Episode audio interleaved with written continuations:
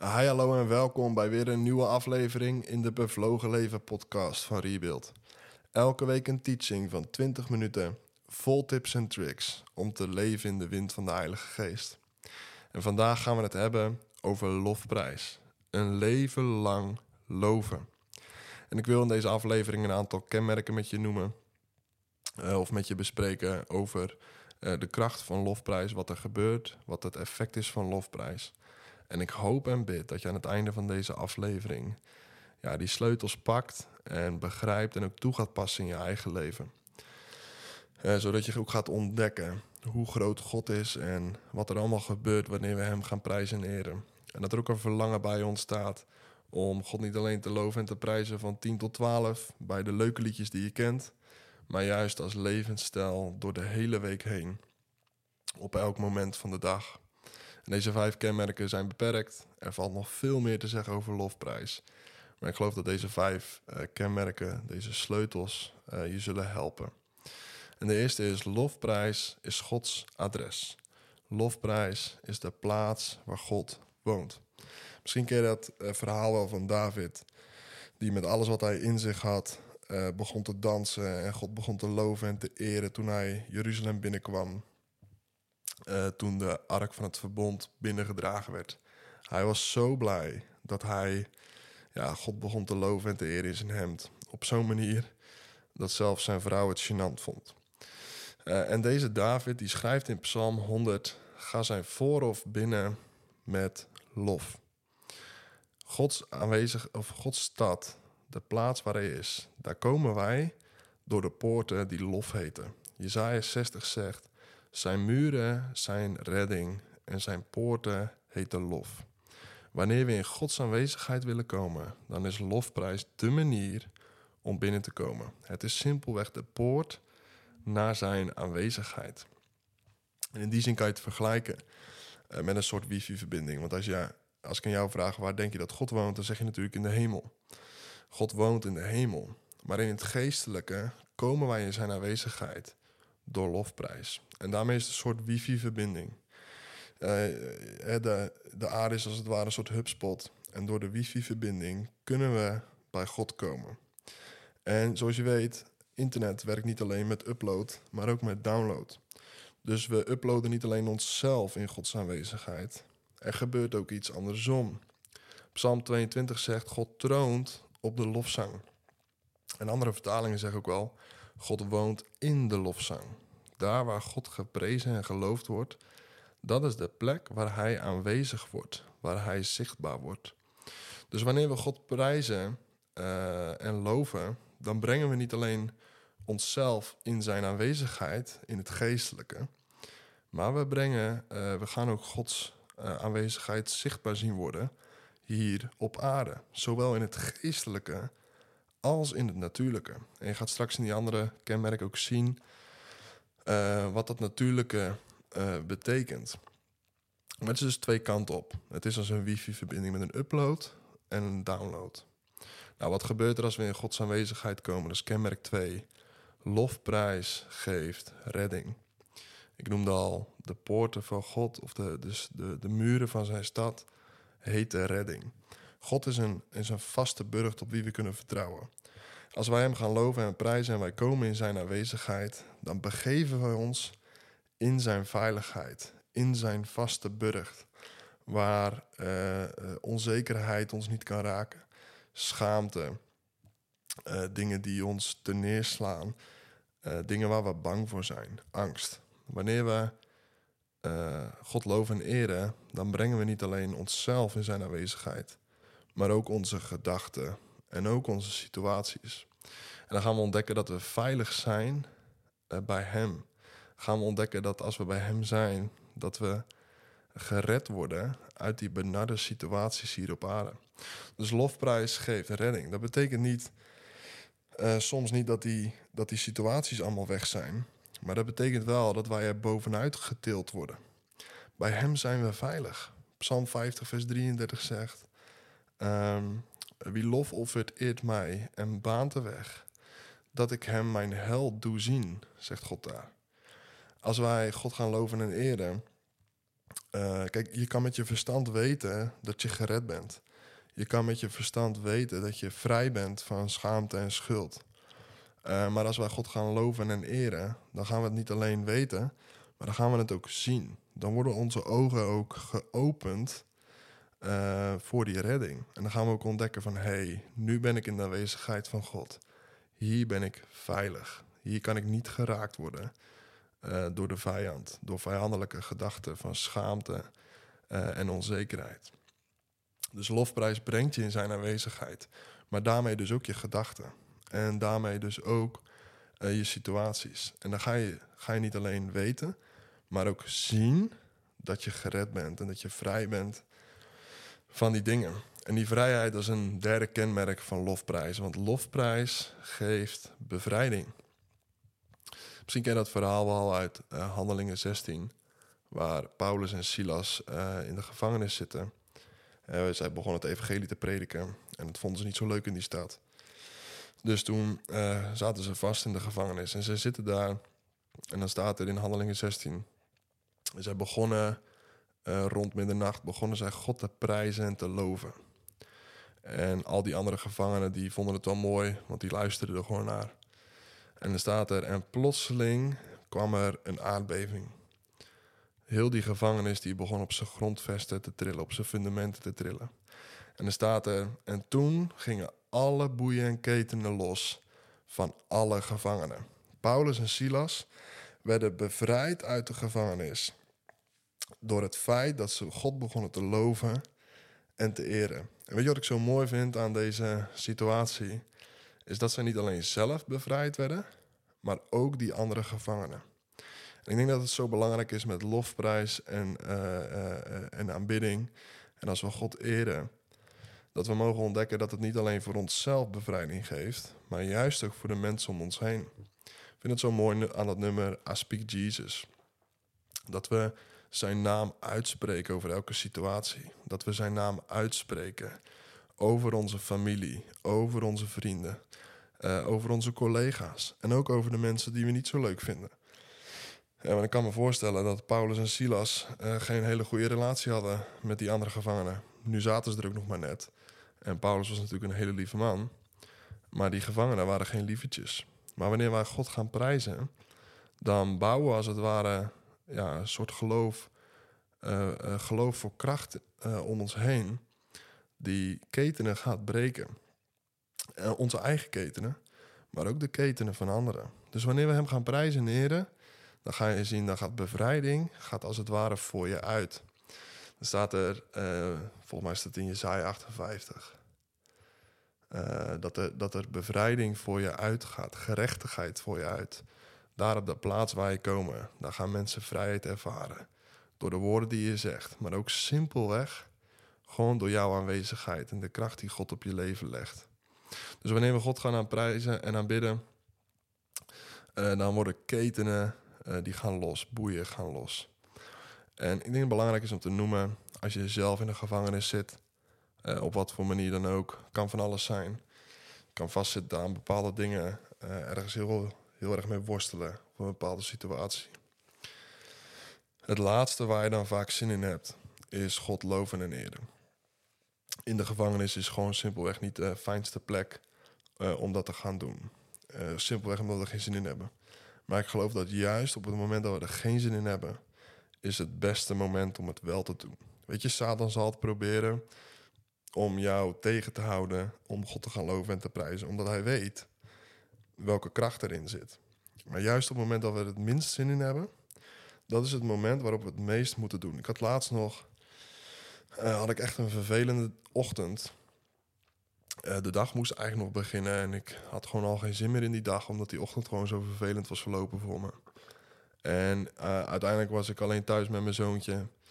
En ik heb ehm, gewoon prijsmuziek opgezet, gewoon praise songs. En ik ben gewoon God gaan prijzen en eren met alles wat ik heb. Samen met mijn zoontje. als een debiel door, die, door de woonkamer heen rennen. God loven en eren met alles wat ik heb. En ik ben blij dat dan gewoon uh, de gordijnen dicht zijn. en dat niet iedereen kan zien hoe dat eruit ziet. Maar er gebeurt iets bij jezelf.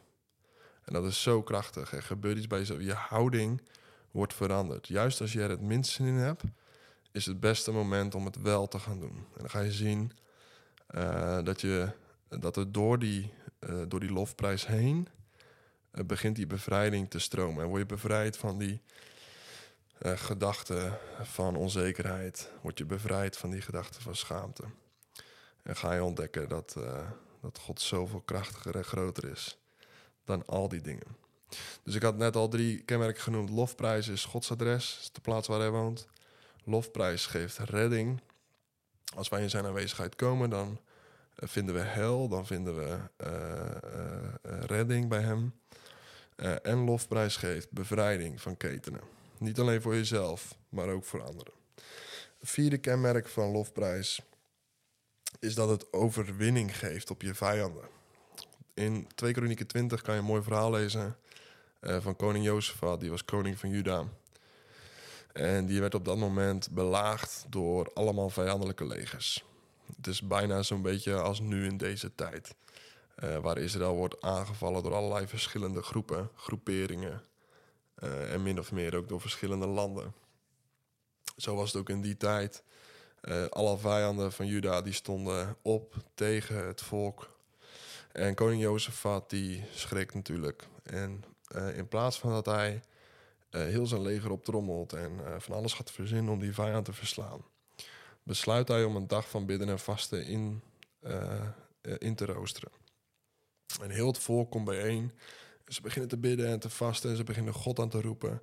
En zeggen, heer, we hebben uw hulp nodig. En dan staat er iemand op. Het is wel heel bijzonder, die man die wordt maar één keer genoemd in de Bijbel. Die staat op, die wordt, de, er staat de Heilige Geest viel op hem. Hij staat op en hij begint te profeteren en hij zegt... De strijd is niet aan u, maar de strijd is aan God. Als we de strijd aan Hem geven, dan zal Hij de overwinning geven. Er vindt een soort ruilhandel, plaats. Als wij de strijd aan God geven, geeft Hij ons de overwinning. En dan de volgende dag zie je dat verhaal, dan staan ze op en dan trekken ze op tegen de vijand. En dan besluit Jozefat, die koning, die besluit niet om zijn beste mensen, de beste strijders, de beste soldaten, of de beste wapens vooraan in het front neer te zetten. Maar hij besluit om de leviet in het front te zetten. Degene die verantwoordelijk zijn uh, bij het volk uh, Israël voor de lofprijs en aanbidding. En hij zet die, juist die mensen vooraan in de strijd. En daarmee laat hij ook zien aan God, zegt hij ook... Eh, ik geef die strijd ook aan u. Ik vertrouw niet op mezelf, maar ik vertrouw op u. En dan kan je lezen in 2 Kronieken 20, vers 22. Juist op de tijd dat zij met gejuich en lofzang begonnen, legde de Heere, let op hè, de Heere legde hinderlagen tegen de vijanden van Juda. En er staat er, en zij werden verslagen. Juist op het moment dat het volk begon te prijzen en te loven en te juichen, dat was het moment waarop God de vijanden van Juda versloeg. Niet de mensen zelf, hè? niet de mensen van Juda zelf, maar God versloeg die vijanden. En zo is het ook met lofprijs. Wanneer wij God gaan loven en prijzen en gaan juichen om hoe groot Hij is, verleggen we de focus, verleggen we onze focus, verleggen we van de strijd, verleggen we die naar God. En dan zeggen we eigenlijk: Ik vertrouw niet op mezelf om deze strijd te voeren, maar ik vertrouw op God. En er is een andere tekst in de Bijbel die zegt: Ik zal voor u strijden. En zo is het ook in ons leven. Wanneer wij uh, vervelende dingen meemaken. Uh, er zijn zoveel verhalen die ik soms hoor van mensen die op hun werk slecht behandeld worden. Uh, hun werkgever die verkeerde dingen doet. vrienden die hun slecht behandelen, zogenaamde vrienden. collega's die hun slecht behandelen. Er zijn zo vaak momenten in ons leven waarin we ja, echt slecht behandeld worden. En waarin we strijd hebben in het natuurlijke. Dat we dan mogen begrijpen en beseffen. Ik geef die strijd aan God. Ik ga simpelweg Hem loven om hoe groot Hij is. En weet je, het mooie aan lofprijs is dat we niet alleen aan God vertellen hoe groot Hij is. Maar ook aan onszelf. En tegen de vijand. Tegen de duisternis. Tegen Satan. En er komt een doorbraak simpelweg omdat Gods kracht zichtbaar wordt. Door die lofprijs heen. En daarmee wordt de overwinning behaald. Dat is een prachtige manier om uh, strijd te voeren. Uh, zeker in het natuurlijke. Uh, de Bijbel zegt, we strijden niet tegen mensen van vlees en bloed. Soms kan je dat gevoel hebben, maar daarachter zit vaak een demonische agenda. Dat betekent niet dat die mensen demonisch belast zijn of zo, maar dat betekent dat ze gestuurd worden, aangestuurd worden door een duistere macht, zonder dat ze het weten, om jou te irriteren, jou te vervelen en strijd tegen jou te voeren. En het is zo belangrijk, door lofprijs mogen we de focus verleggen van de strijd, verleggen we de focus naar God. En dan gaat Hij die overwinning geven, door lofprijs heen. Het vijfde kenmerk van lofprijs is: lofprijs is je geestelijke mantel. En ik denk dat het een hele belangrijke is, die vaak ook onderschat wordt. En natuurlijk ken je de geestelijke wapenrusting uit Efeze 6, maar dit gaat over een geestelijke mantel die we aantrekken. Jezaja 61 vers 3 zegt dat God zal ons geven een lofgewaad in plaats van een benauwde geest. Er vindt ook hier een uitwisseling plaats. In plaats van dat wij Kijk, een benauwde geest is, is een ander woord voor ehm, depressieve gedachten of donkere gedachten. Daar kan je zelf heel veel last van hebben. Ik heb er ook wel eens last van. Dat je echt van die hele depressieve gevoelens en gedachten krijgt. Maar de Bijbel zegt dat God ons een lofgewaad geeft in plaats van een benauwde geest. En dat is een belofte die hij in zijn woord geeft, door zijn zoon Jezus heen. Isaiah 61 gaat over de komst van Jezus en over wat hij eh, voor ons aan het kruis eh, bewerkt heeft en gedaan heeft. En is het zo belangrijk dat we dat niet alleen begrijpen, maar dat we daar ook naar handelen.